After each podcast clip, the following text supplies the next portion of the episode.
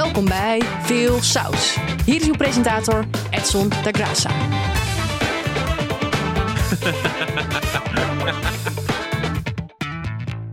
Door het kwakkelend beleid van de overheid waren er weer eens rellen. Hooligans, complotdenkers en verveelde jeugd gingen de straat op om de boel kort en klein te meppen. Omdat ze schoon genoeg hebben van de maatregelen en sommigen, ja, gewoon om even wat stoom af te blazen.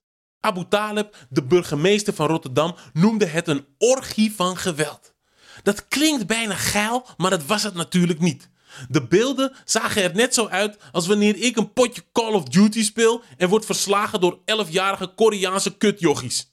De politie heeft zelfs gericht moeten schieten.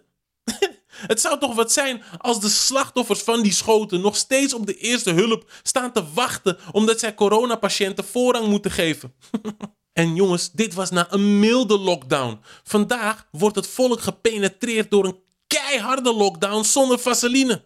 Wat gaan deze mafklappers dan doen? De dijken opblazen? Schiphol bezetten?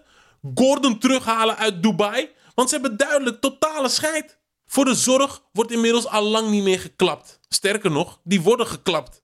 Het hele we gaan het samen doen is vervallen in discussies tussen gevaccineerden en ongevaccineerden. Hele families vallen uit elkaar. En Thierry maakt maar weer eens duidelijk hoe graag hij een Jood zou willen zijn uit de Tweede Wereldoorlog.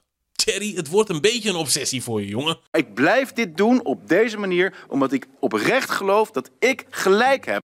Het beleid was vanaf het begin te zwak, te laf en te dun, waardoor de irritaties nu moddervet zijn. Maar lieve mensen, door te rellen schiet je echt geen deuk in deze maatregelen. Ik, ik blijf in ieder geval thuis. Tenzij ze het thuisonderwijs weer invoeren. Nee, want dan belandt zelfs ik in een vuistgevecht met wijkagent Henk. Ik ben op zoek naar positief nieuws. Ja, dat heb ik niet voor je, jongen. Ja, ik wil positief nieuws. Nee. Nee. Nee.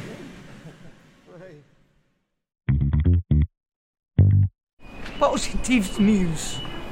Ik heb vanmorgen een stukje gezien van een, eh, een natuuropname over schildpadjes. En toen dacht ik, oh, dat zet ik weg. Want als die uitkomen, dan rennen ze naar zee en dan, zijn ze eindelijk daar. En dan komen de kraaien en meeuwen en adelaars. En daar werd ik zo eng van. En toen zag ik opeens dat... ehm, was de plaatselijke bevolking eh, met allemaal kinderen bezig om, eh, om het uit te graven. Want er kwam een grote golf aan. Ja. En eh, die haalden al die eh, schildpadjes eruit, want die zouden verdrinken. En die lieten ze zo los eh, in de zee. Begeleiden ze dus helemaal niet eh, dat ze zo lopen en dat er weer zo'n adelaar. Ja. Nou, vond ik hartstikke positief.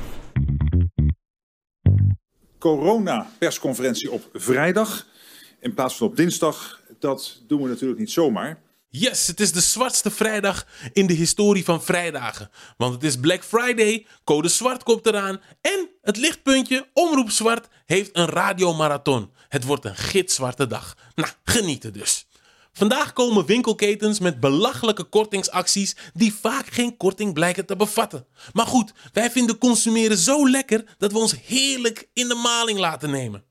Maar het is ook de dag dat misschien wel code zwart wordt afgeroepen over het land.